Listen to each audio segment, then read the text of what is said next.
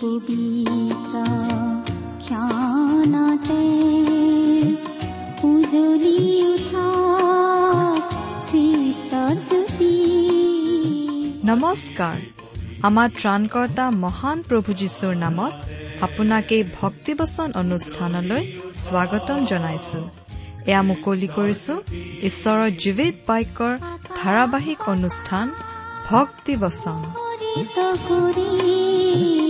মুখৰিত কৰি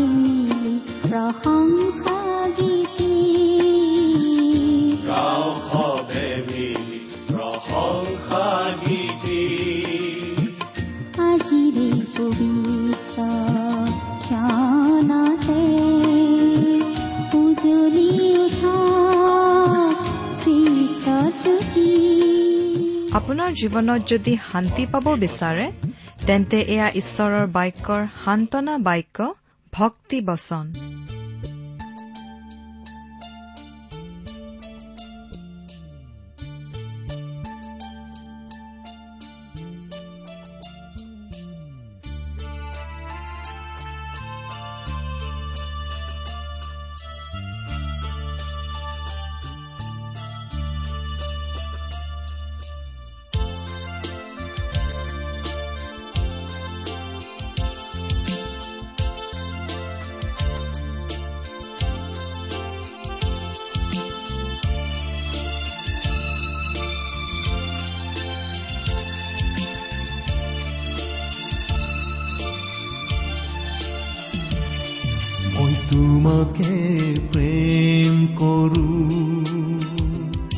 মই তোমাকে প্ৰেম কৰো মই তোমাকে প্ৰেম কৰো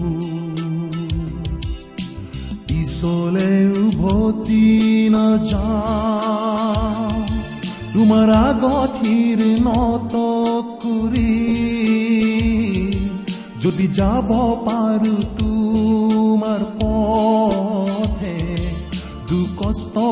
আহিলে জীৱন। পিছলে উভতি নাযাওঁ। তোমাৰ আগঠিৰ নত কৰি। যদি যাব পাৰো তোমাৰ পথে দুকষ্ট আহিলে জীৱন। পিছলে আমাৰ পৰম পবিত্ৰ প্ৰভু যীশুখ্ৰীষ্টৰ নামত নমস্কাৰ প্ৰিয় শ্ৰোতা। আপোনাৰ ভালনে বাৰু? আশা কৰো পৰম পিতা পৰমেশ্বৰৰ মহান অনুগ্ৰহত আপুনি ভালে কুশলে আছে। এয়া আকৌ আপোনালোকৰ ওচৰলৈ আহিছো বাইবেল অধ্যয়নৰ অসমীয়া অনুষ্ঠান ভক্তিবচনৰ যোগেৰে। আশা কৰো আপুনি আমাৰ এই অনুষ্ঠান নিয়মিতভাৱে শুনি আছে। অনুষ্ঠান শুনি কেনে পাইছে বাৰু? ইয়াৰ দ্বাৰা আপুনি কিবা প্ৰকাৰে লাভৱান হোৱা বুলি ভাবেনে? আমালৈ চিঠি লিখি জনাবচোন। আমাৰ ঠিকনা। ভক্তিবচন টি ডব্লিউ আৰ ইণ্ডিয়া ডাক বাকচ নম্বৰ সাত শূন্য গুৱাহাটী সাত আঠ এক শূন্য শূন্য এক। ভক্তিবচন T W R India post box number seventy Guwahati seven eight one zero' zero' one. আমাৰ website W W W dot radio' eight eight two dot com. আহক। আজিৰ অধ্যয়ন আৰম্ভ কৰাৰ আগতে প্ৰাৰ্থনাত মূৰ্ণত কৰোঁ হওক। স্বৰ্গত থকা আমাৰ অসীম দয়ালু পিতৃ ঈশ্বৰ এই ভক্তিবচন অনুষ্ঠানৰ জৰিয়তে আকৌ এবাৰ তোমাৰ বাক্য আলোচনা কৰিবলৈ আমাক এই সুবিধা দিয়াৰ বাবে তোমাক অশেষ ধন্যবাদ। প্ৰভু আমি তোমাৰ বাক্য বুজাই দিয়া দূৰৰ কথা তোমাৰ নাম লোৱাৰেই যোগ্য নহওঁ। তোমাৰ নিচিনা পবিত্ৰ ঈশ্বৰৰ আগত আমি মূৰ তুলিবৰেই যোগ্য নহওঁ। কিন্তু প্ৰভু একমাত্ৰ তোমাৰ অনুগ্ৰহ তোমাৰ প্ৰেম আৰু কৰোণাতেই আমি চলি আছো। তুমিয়েই আমাক শিকোৱা প্ৰভু তুমিয়েই আমাক কথা কোৱা। তোমাৰ বাক্যৰ নিগৃঢ় তত্ত্ব আমাক অতি সহজ সৰলভাৱে দেখুৱাই দিয়া প্ৰভু যাতে আমি তোমাৰ মাত শুনিবলৈ পাওঁ যাতে আমি তোমাক লগ পাওঁ। প্ৰভু যিসকল শ্ৰোতাই এই অনুষ্ঠান শুনাৰ দ্বাৰা তোমাৰ বাক্য বুজিবলৈ আগ্ৰহ প্ৰকাশ কৰিছে তেওঁলোক প্ৰতিজনকে তুমি বিশেষভাৱে কথা কোৱা। প্ৰভু এই অনুষ্ঠান সফল কৰিবলৈ দেহে কেহে লাগি থকা। প্ৰতিজন ব্যক্তিক তুমি উপচি পৰাকৈ আশীৰ্বাদ কৰা। তোমাৰ বাক্যৰ সৌৰভ চাৰিওফালে বিয়পাই দিয়া। ত্ৰাণকৰ্তা প্ৰভু যীশুখ্ৰীষ্টৰ নামত এই প্ৰাৰ্থনা আগবঢ়ালো। আহমেন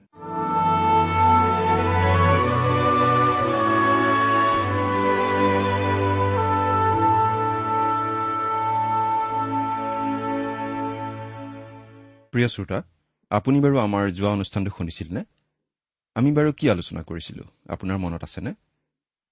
আমি যোৱা অনুষ্ঠানত বাইবেলৰ নতুন নিয়ম খণ্ডৰ জোহনৰ প্ৰথম পত্ৰ নামৰ পুস্তকখনৰ অধ্যয়ন আৰম্ভ কৰিছিলো। আমি এই জোহনৰ প্ৰথম পত্ৰ নামৰ পুস্তকখনক চমুকৈ প্ৰথম জোহন বুলিয়েই ক'ম।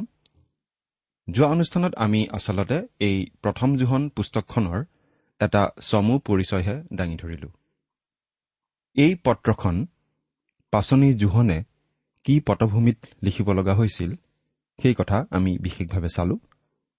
আমি বিশেষকৈ এটা কথা অলপ বহলাই আলোচনা কৰিছিলো যে সেই সময়ত কিছুমান বিশেষ মতবাদে খ্ৰীষ্টীয় বিশ্বাসীসকলক আগুৰি আছিল আৰু খ্ৰীষ্টীয় বিশ্বাসীসকলক অপথে লৈ যোৱাৰ সম্ভাৱনা আছিল। কিছুমান লোকে কবলৈ ধৰিছিল যে প্ৰভু যীশুখ্ৰীষ্ট মানৱ ৰূপ ধাৰণ কৰি অহা নাছিল। কাৰণ শৰীৰ মন্দ। গতিকে ঈশ্বৰে মন্দ শৰীৰত প্ৰৱেশ নকৰে বা মন্দ শৰীৰ গ্ৰহণ নকৰে। মুঠতে বিভিন্ন ধৰণৰ মতবাদৰ মাজত খ্ৰীষ্টীয় বিশ্বাসীসকল থাকিব লগা হৈছিল আৰু খ্ৰীষ্টীয় বিশ্বাসৰ মূল কথাবোৰ খেলি মেলি কৰি পেলোৱাৰ সম্ভাৱনাও আছিল। সেই সকলোবোৰ পৰিস্থিতিৰ কথা মনত ৰাখিয়েই পাচনি জোহনে এই পত্ৰখন খ্ৰীষ্টীয় বিশ্বাসীসকললৈ লিখিছিল। তদুপৰি আমি এই কথাটো উল্লেখ কৰি আহিছো যে এই পত্ৰখন বাইবেলৰ নতুন নিয়মত থকা আন আন পত্ৰবোৰৰ নিচিনা নহয়। আন পত্ৰবোৰ বিশেষভাৱে খ্ৰীষ্টীয় মণ্ডলীক উদ্দেশ্য কৰি লিখা। এই পত্ৰখনক কিন্তু আমি পৰিয়ালৰ পত্ৰ বুলি ক'ব পাৰোঁ কাৰণ প্ৰভু যীশুক গ্ৰহণ কৰা সকলো লোকেই একেটা পৰিয়ালৰ লোক ঈশ্বৰৰ পৰিয়াল। কাৰণ প্ৰভু যীশুক ত্ৰাণকৰ্তা বুলি গ্ৰহণ কৰি আমি পবিত্ৰ আত্মাৰ যোগেদি নতুন জন্ম লাভ কৰি ঈশ্বৰৰ সন্তান হৈ পৰোঁ। আত্মিক সন্তান। গতিকে আমি হৈ পৰোঁ ঈশ্বৰৰ পৰিয়ালৰ সদস্য। এই পত্ৰখনত এনেকুৱা পাৰিবাৰিক ভাৱ এটা বিশেষভাৱে প্ৰকাশ পাই উঠা আমি দেখিবলৈ পাওঁ। আজি আমি এই প্ৰথম জোহন পত্ৰখনৰ প্ৰথম অধ্যায়ৰ প্ৰথম পদৰ পৰাই আমাৰ আলোচনা আৰম্ভ কৰিম। এই প্ৰথম অধ্যায়টোৰ আমি এটা শীৰ্ষক দিব বিচাৰো। সেইটো হৈছে ঈশ্বৰ পোহৰ। আৰু ঈশ্বৰৰ সন্তানসকলে ঈশ্বৰৰ সৈতে সহভাগিতা বজাই ৰখাৰ উপায়। এতিয়া বাইবেলৰ পৰা পাঠ কৰি দিব খুজিছো। আপোনাৰ বাইবেলখন মেলি লৈছে নিশ্চয়। অনুগ্ৰহ কৰি চাই যাব। লগত যদি বাইবেল নাই অনুগ্ৰহ কৰি মন দি শুনিব। প্ৰথম পদটো পাঠ কৰি দিম। প্ৰথম জোহন প্ৰথম অধ্যায় প্ৰথম পদ। আদিৰে পৰা যি আছিল আমি যি শুনিলো যি নিজ চকুৰে দেখিলো যিহক চালো আৰু নিজ হাতেৰেও চুলো অৰ্থাৎ জীৱনৰ বাক্যৰ বিষয়ে সেই জীৱন প্ৰকাশিত হ'ল। আদিৰে পৰা যি আছিল। ইয়াত জোহনে আদি মানে কি বুজাইছে বাৰু? শাস্ত্ৰত আমি তিনিটা আৰম্ভণি বা আদিৰ কথা পাওঁ। প্ৰথমতে আমি পাওঁ আদি পুস্তক প্ৰথম অধ্যায় প্ৰথম পদত এনেদৰে। আদিতে ঈশ্বৰে আকাশমণ্ডল আৰু পৃথিৱী সৃষ্টি কৰিলে।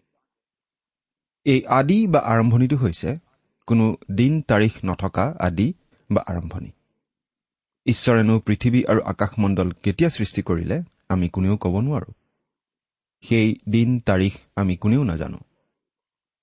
আদি পুস্তকৰ প্ৰথম অধ্যায়ৰ প্ৰথম পদটোত পোৱা এই বিষয়টোৰ ওপৰত বহুতো কিতাপ লিখা হৈছে বহুতো গৱেষণা হৈছে বহুতো আলোচনা বিলোচনা চিন্তা চৰ্চা হৈছে।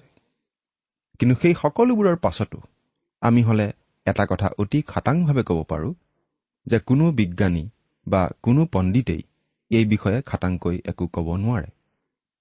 ঈশ্বৰেনো কেতিয়া আকাশমণ্ডল আৰু পৃথিৱী সৃষ্টি কৰিলে কোনেও ক'ব নোৱাৰে।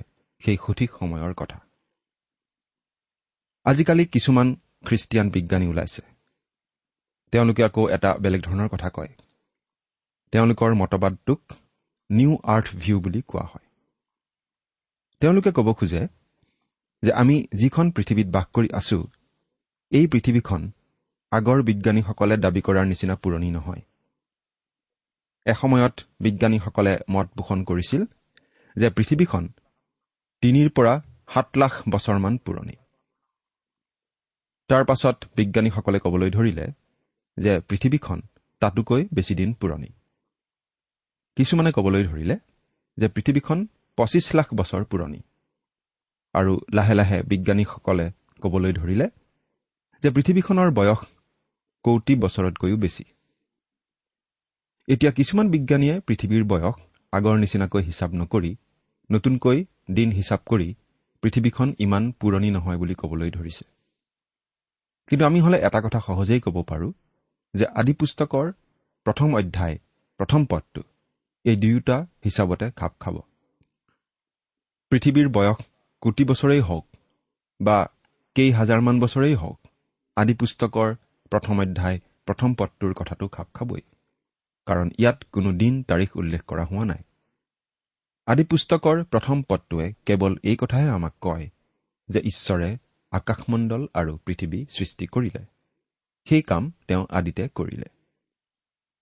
এই কথাটো যদি আমি মানি ল'ব নোখোজো তেনেহ'লে আমি ঈশ্বৰৰ বাক্য আৰু অধিক অধ্যয়ন কৰাৰ অৰ্থ নাই। কাৰণ বাইবেলৰ বাকী গোটেইখিনি কথা বাইবেলৰ এই প্ৰথম পদটো অৰ্থাৎ আদিপুস্তক প্ৰথম অধ্যায় প্ৰথম পদটোতে নিৰ্ভৰ কৰিছে। ঈশ্বৰে বাৰু এই বিশ্বব্ৰহ্মাণ্ডখন সৃষ্টি কৰিলে। নে বিশ্বব্ৰহ্মাণ্ডখন এনেই এনেই নিজে নিজে সৃষ্টি হ'ল? বিশ্বব্ৰহ্মাণ্ডখন নিজে নিজে সৃষ্টি হ'ল বুলি ভবাটো এটা হাঁহি উঠা কথা। এডুইন কংক্লিন নামৰ বিখ্যাত লোক এজনে এনেদৰে কৈছিল এই বিশ্বব্ৰহ্মাণ্ডখন নিজে নিজে সৃষ্টি হোৱাৰ সম্ভাৱনীয়তা এটা চপাশালত বিস্ফোৰণ ঘটি নিজে নিজে এখন অভিধান সৃষ্টি হোৱাৰ সম্ভাৱনীয়তাৰ নিচিনা কথা।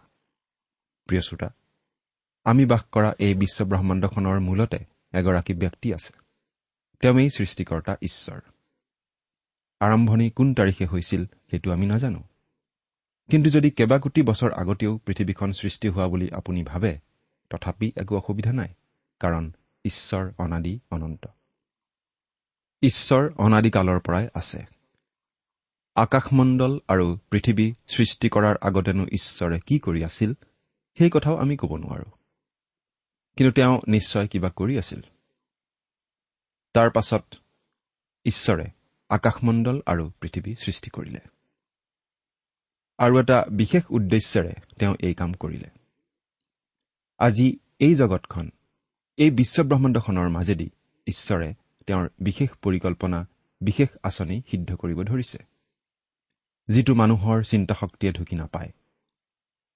ঈশ্বৰে সৃষ্টিকাৰ্যৰ এই চমু বিৱৰণ আমাৰ বাবে ৰাখি থৈছে আদি পুস্তকত।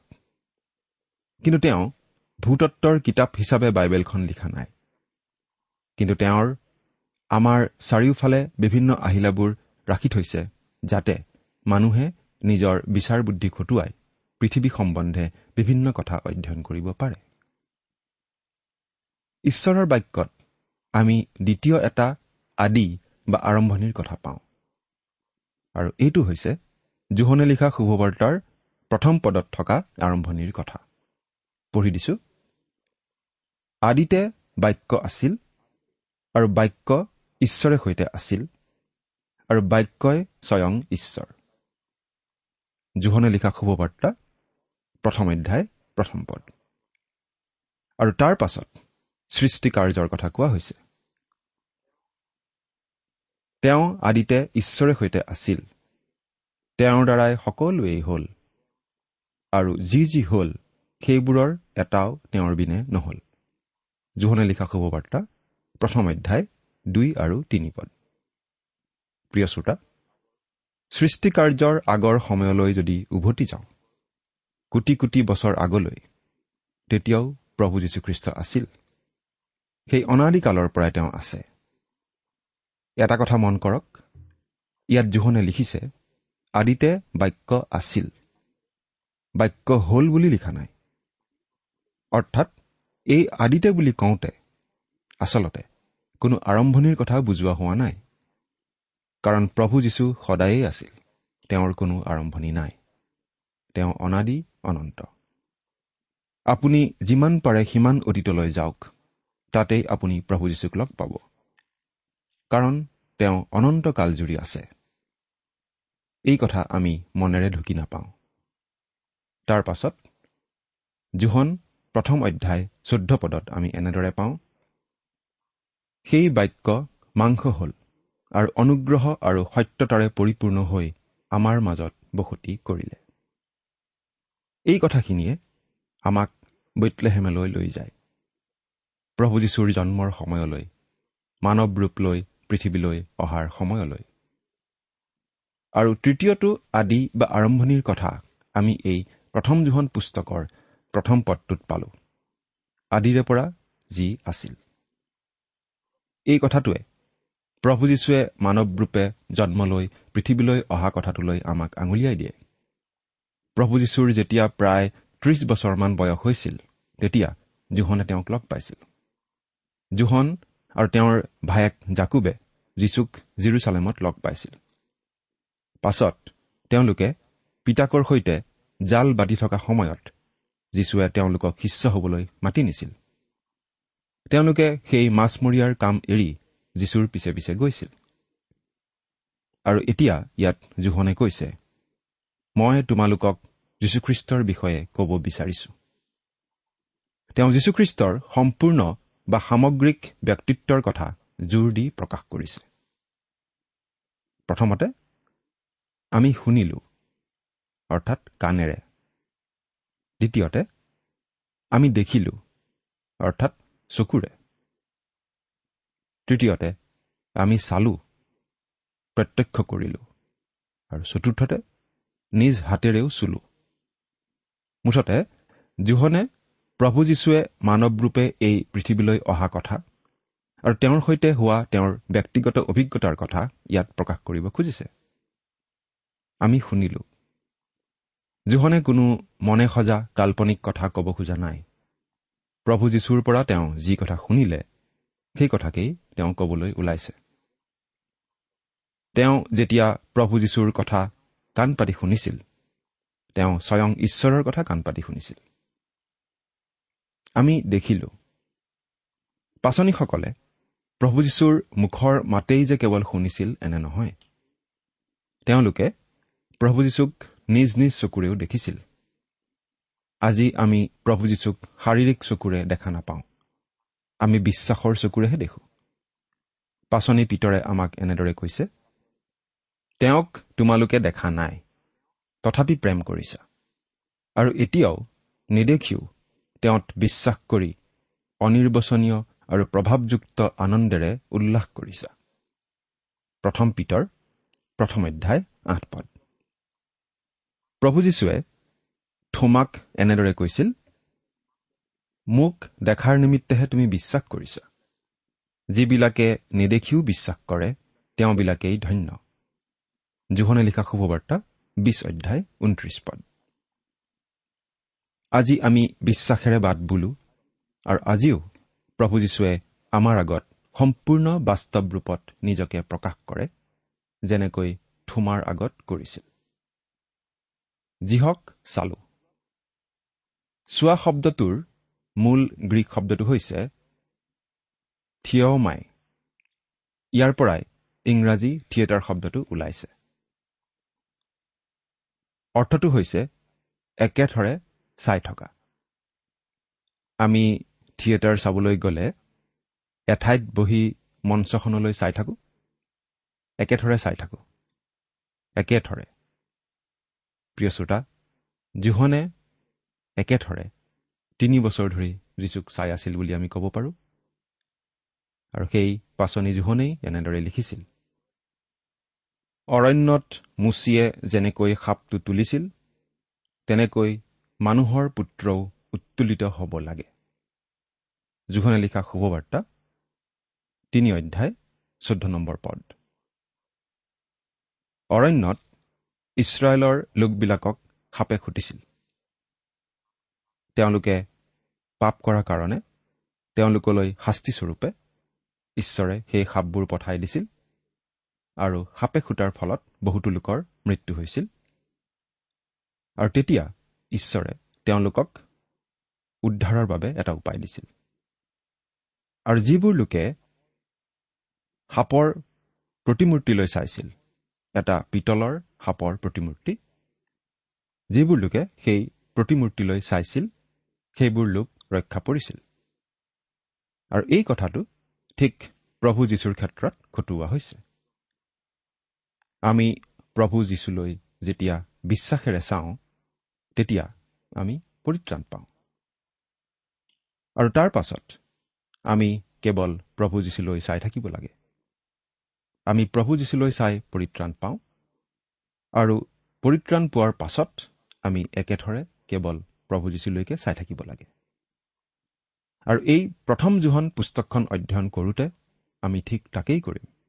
আমি প্ৰভু যীশুলৈকেই চাই থাকিম। চোৱাৰ লগে লগেই আমি পৰিত্ৰাণ পাওঁ। আৰু পৰিত্ৰাণ পোৱাৰ পাছত প্ৰভু যীশুলৈ একেথৰে চাই থাকি আমি পবিত্ৰীকৃত হওঁ। সেই বাক্য মাংস হ'ল আৰু অনুগ্ৰহ আৰু সত্যতাৰে পৰিপূৰ্ণ হৈ আমাৰ মাজত বসতি কৰিলে। তাতে পিতৃৰ একমাত্ৰ পুত্ৰৰ উপযুক্ত যি প্ৰভাৱ সেই প্ৰভাৱ আমি দেখিলো। জোহন প্ৰথম অধ্যায় চৈধ্য পদ। প্ৰিয় শ্ৰোতা আজি আমি একেথৰে প্ৰভু যীশুলৈ চাই থকাৰ প্ৰয়োজন বিশ্বাসেৰে। আৰু নিজ হাতেৰেও চুলো। জোহনে কেৱল আঁতৰৰ পৰা যীচুক চাই থকা নাছিল তেওঁ প্ৰভু যীশুক স্পৰ্শও কৰিছিল। তেওঁ প্ৰভু যীশুৰ গাত আউজিছিল বুলিও আমি পঢ়িবলৈ পাওঁ। প্ৰভু যীশুৱে মৃত্যুৰ পৰা পুনৰুত্থিত হোৱাৰ পাছত শিষ্যবিলাকৰ আগত দেখা দি এনেদৰে কৈছিল মোৰ হাত ভৰি চাই জ্ঞাত হোৱা যে মইহে মোক স্পৰ্শ কৰি চোৱা।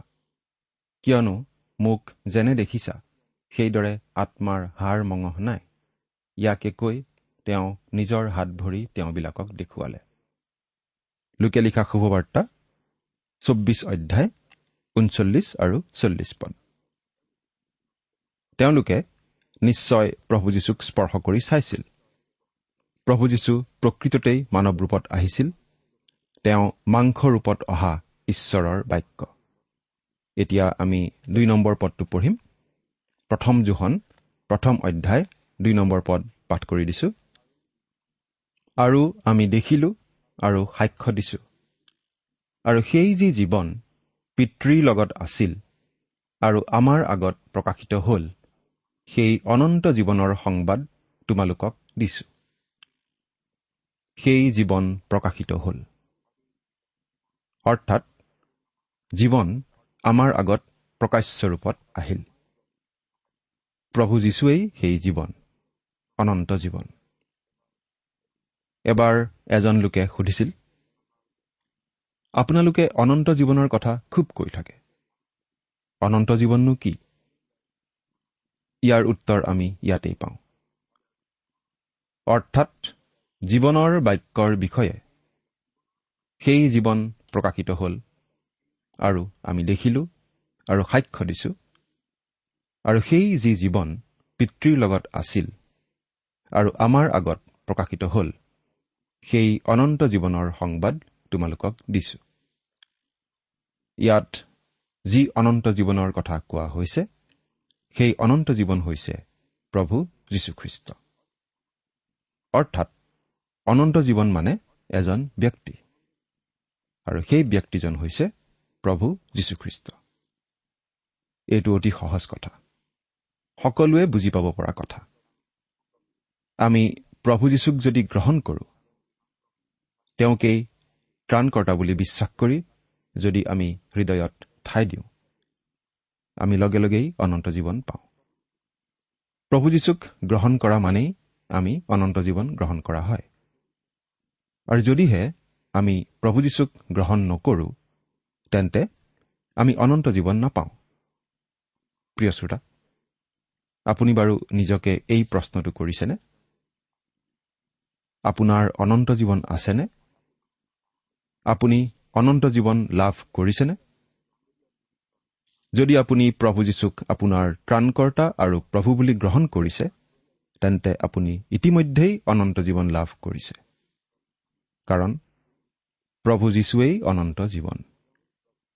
তেওঁৱেই জীৱন বাক্য। মাংস ৰূপত অহা ঈশ্বৰৰ বাক্য। আপুনি অনুভৱ কৰক বা নকৰক কিন্তু আপুনি যদি প্ৰভু যীশুক বিশ্বাস কৰি গ্ৰহণ কৰিছে আপুনি যদি তেওঁক আপোনাৰ হৃদয়ত স্থান দিছে। তেন্তে আপুনি ইতিমধ্যেই অনন্ত জীৱন লাভ কৰিছে। প্ৰিয় শ্ৰোতা আপুনি বাৰু প্ৰভু যীশুক ত্ৰাণকৰ্তা বুলি গ্ৰহণ কৰিছেনে? এবাৰ চিন্তা কৰি চাওকচোন।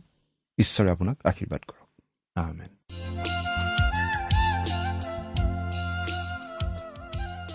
ইমান পৰে আপুনি ভক্তিবচন অনুষ্ঠানটি শুনিলে। এই বিষয়ে আপোনাৰ মতামত জানিবলৈ পালে আমি নথৈ আনন্দিত হ'ম। আমি প্ৰস্তুত কৰা বাইবেল অধ্যয়নৰ আন চিডিসমূহ পাব বিচাৰিলেও আমালৈ লিখক। অনুষ্ঠানটি শুনি কেনে পালে আমালৈ চিঠি লিখি জনাবচোন। অনুষ্ঠানত প্ৰচাৰ কৰা কোনো কথা বুজিব লগা থাকিলেও আমালৈ লিখক। আমাৰ ঠিকনা? ভক্তিবচন ট্ৰান্স ৱৰ্ল্ড ৰেডিঅ' ইণ্ডিয়া ডাক বাকচ নম্বৰ সাত শূন্য গুৱাহাটী সাত আঠ এক শূন্য শূন্য এক। ঠিকনাটো আৰু এবাৰ কৈছো ভক্তিবচন ট্ৰান্স ৱৰ্ল্ড ৰেডিঅ' ইণ্ডিয়া ডাক বাকচ নম্বৰ সাত শূন্য গুৱাহাটী সাত আঠ এক শূন্য শূন্য এক। আমাৰ ইমেইল এড্ৰেছটো হৈছে S M S T T B at the rate radio' eight eight two dot com. আমাৰ website W W W dot T W R dot in আপুনি টেলিফোনৰ মাধ্যমেৰেও আমাক যোগাযোগ কৰিব পাৰে। আমাৰ টেলিফোন নম্বৰটো হৈছে শূন্য তিনি ছয় এক দুই ছয় শূন্য চাৰি ছয় সাত এক। ফোন নম্বৰটো আকৌ এবাৰ কৈছো zero' three six one two six zero' four six seven one আজিৰ অনুষ্ঠানটি ইমানতে সামৰিছো। ঈশ্বৰৰ শান্তি আৰু অনুগ্ৰহ আপোনাৰ লগত থাকক। ধন্যবাদ।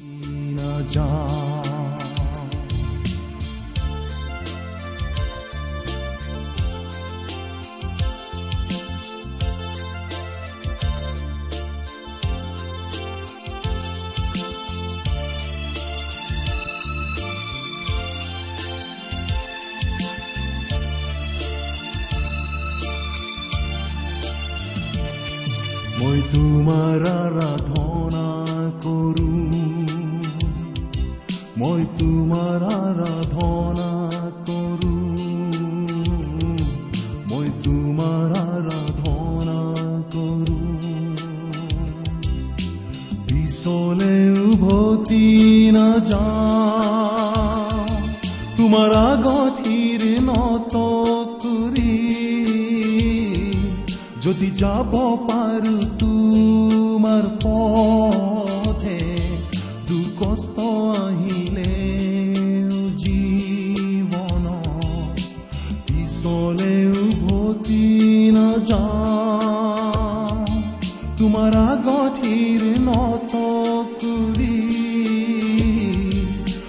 যাব পাৰো